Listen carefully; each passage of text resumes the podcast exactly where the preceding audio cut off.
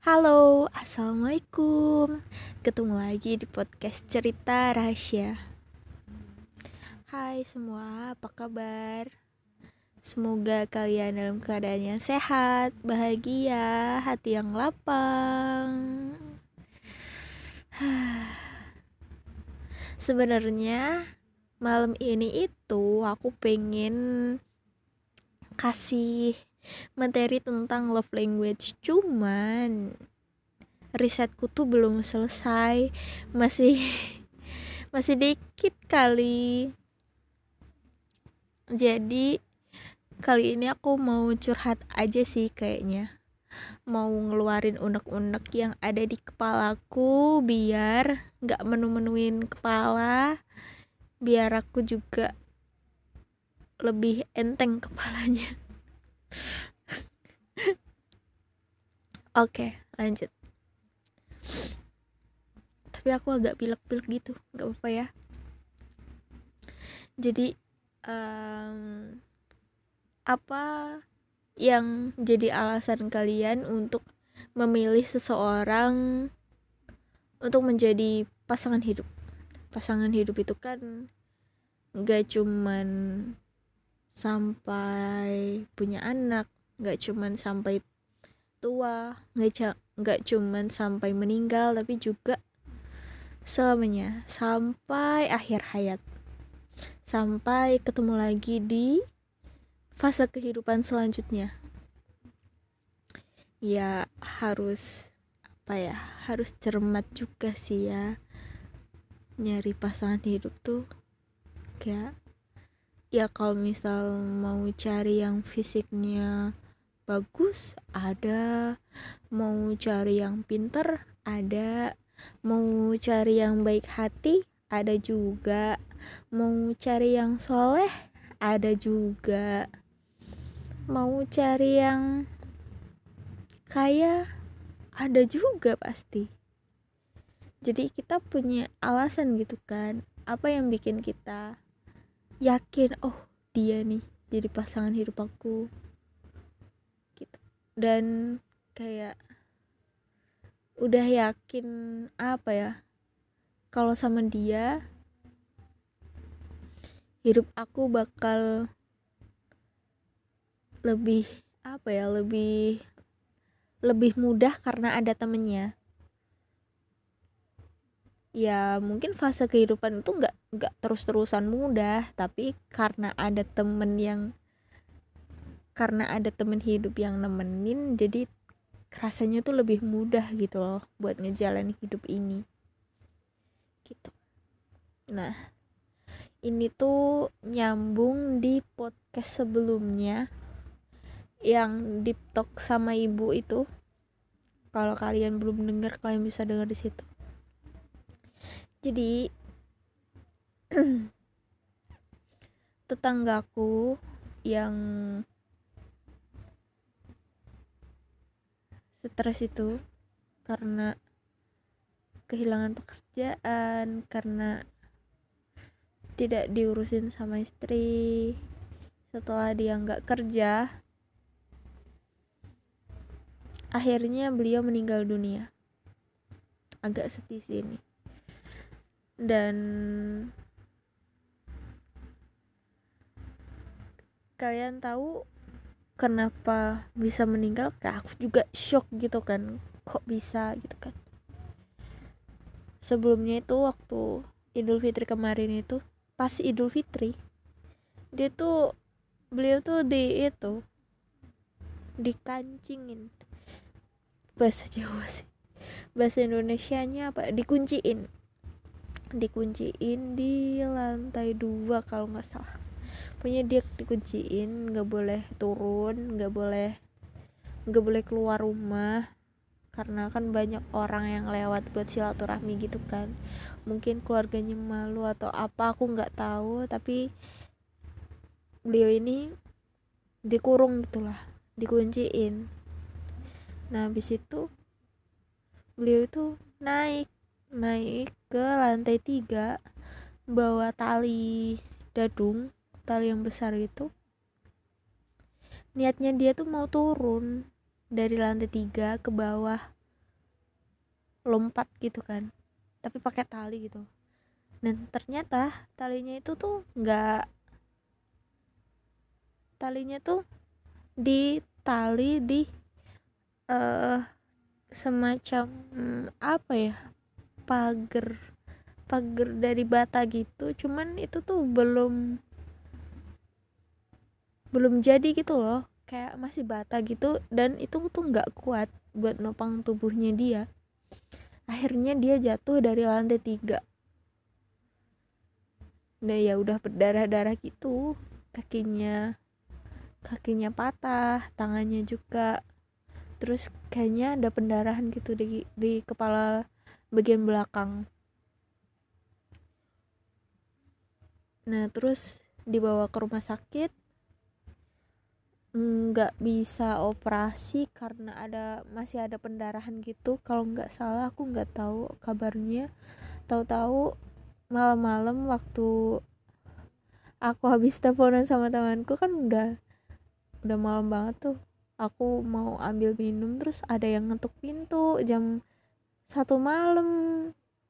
Aku kan takut nggak bi kayak takut gitu loh bu buat buka pintu karena tuh malam banget. Mana cuman manggil nama doang nama nama bapak aku doang. Dan itu lirih banget suaranya tuh nggak kenceng gitu kan.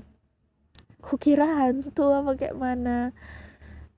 Aku tanya Sinten ge? Kayak siapa ini? Gitu kan. Terus tiba-tiba dia ngasih kabar tetangga tuh ngasih kabar kalau bapak itu meninggal dunia. Kaget dong aku. Mana itu aku sama bapak tuh di rumah tuh cuma berdua doang. Aku sama bapak doang. Ibu sama adikku tuh pergi. Jadi di rumah itu yang tidur di rumah itu cuma berdua doang. Di situ aku kaget kan. Terus aku bangunin bapakku. Bapakku ikut ngurus apa ngurus rumahnya kayak ya kan biasanya kalau di sini tuh kalau ada tetangga yang meninggal gitu kayak nyiapin tempat-tempatnya gitu kan nyiapin rumahnya dikasih apa terpal dan lain sebagainya gitu kan buat orang-orang apa orang-orang takziah kayak gitu. Nah jadi aku tuh di rumah sendirian ditinggal sendirian dan aku kayak masih shock gitu kan dengar kabar itu. Terus aku jadi mikir sampai sekarang gitu loh. Ya bapak ini tuh kan dulu tuh orangnya tuh ganteng badannya tuh besar keker atletis gitu loh. Ototnya tuh besar-besar gitu berotot dan keluarganya itu ya termasuk keluarga yang bercukup berkecukupan. Gitulah intinya. Terus ya dulu tuh menurutku keluarga ini tuh harmonis banget gitu kan. Tapi semenjak beliau sakit kehilangan pekerjaan bangkrut jadi nggak diurusin gitu sama keluarganya sama anaknya gitu. Kayak nggak diurusin. Jadi kayak minta-minta makan ke tetangga. Terus kadang ibu aku suka kasihan. Terus kadang suka tidur di depan rumah nenekku kayak gitu. Kayak ya Allah gitu kan. Um, menurut aku memilih pasangan hidup yang mau bener-bener apa ya susah seneng sedih bareng-bareng tuh dikit banget kayaknya. Dan aku tuh sebenarnya nggak kalau ditanya kamu takut nikah? Kamu umur segini nggak nikah nikah gitu kan.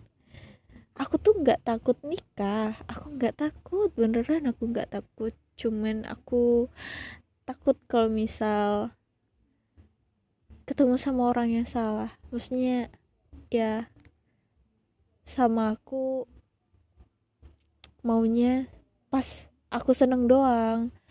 Terus pas kita kan nggak tahu ya suatu saat nanti tuh apa aja yang bakal terjadi.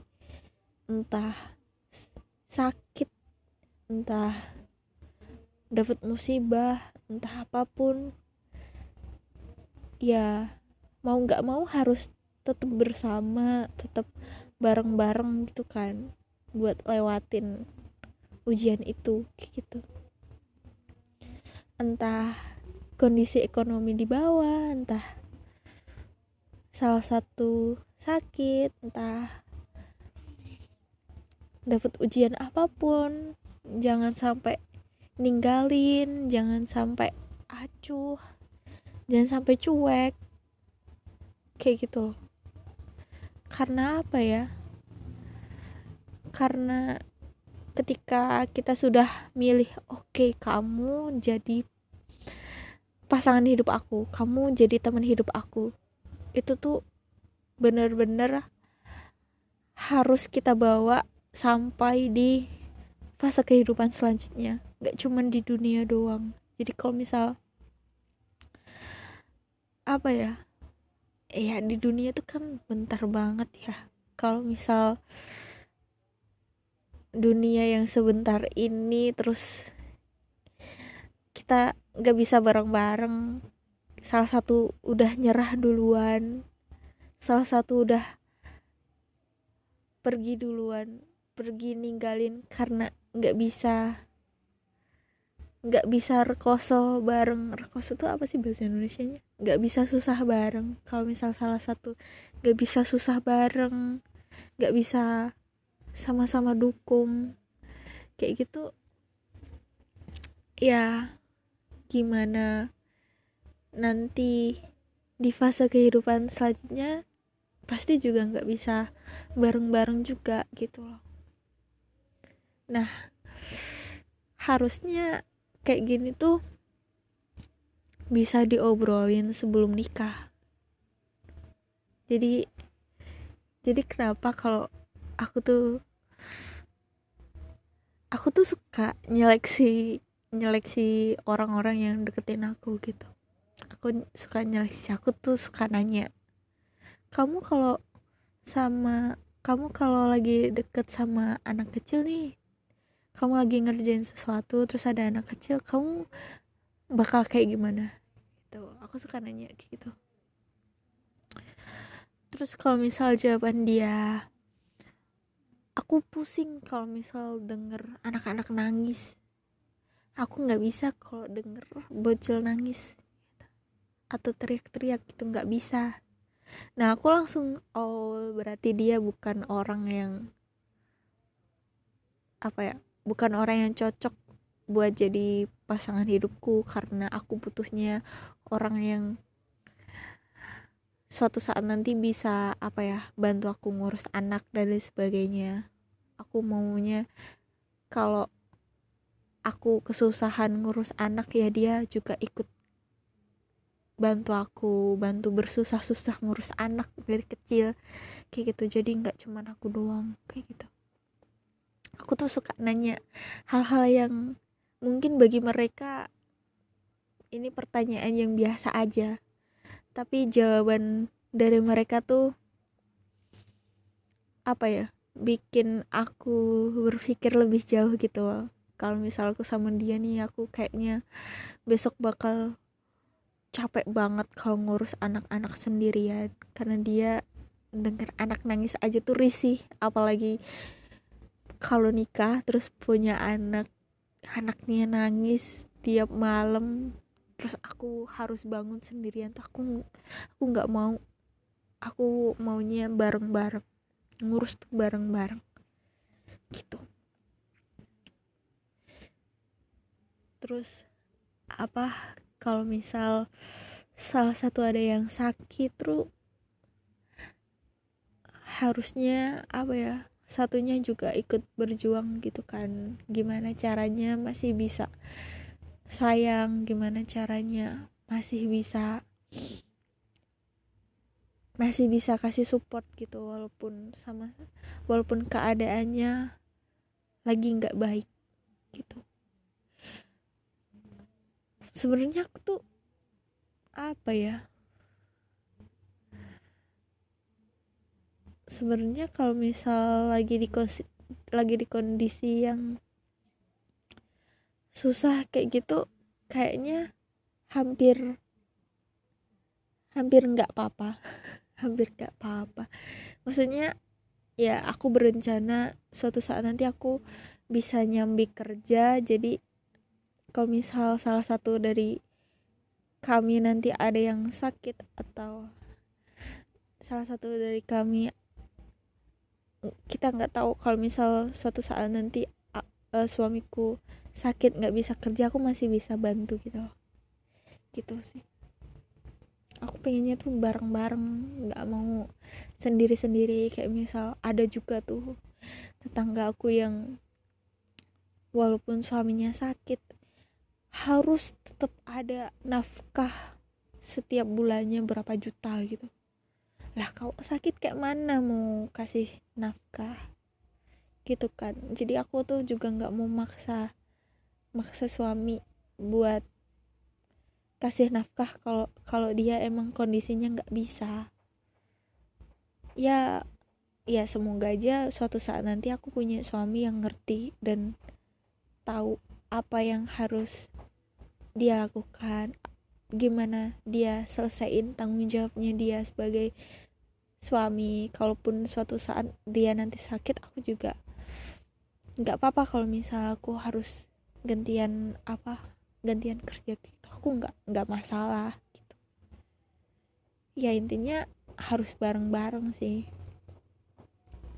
Gimana pun caranya harus bertahan sampai di ke kehidupan selanjutnya tuh bisa ketemu lagi. Gitu. Ya mencintai di dunia doang tuh nggak cukup rasanya ya nggak sih? Kan dunia cuman sebentar. Udah 17 menit. Ya udah kayaknya segitu aja curhatku.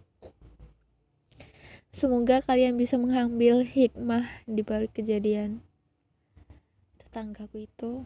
Semoga kita jadi orang yang setia sama pasangan kita. Semoga kita semua bisa kumpul di kehidupan selanjutnya di tempat yang terbaik semoga Sampai jumpa di podcast cerita rahasia selanjutnya. Bye bye. Assalamualaikum.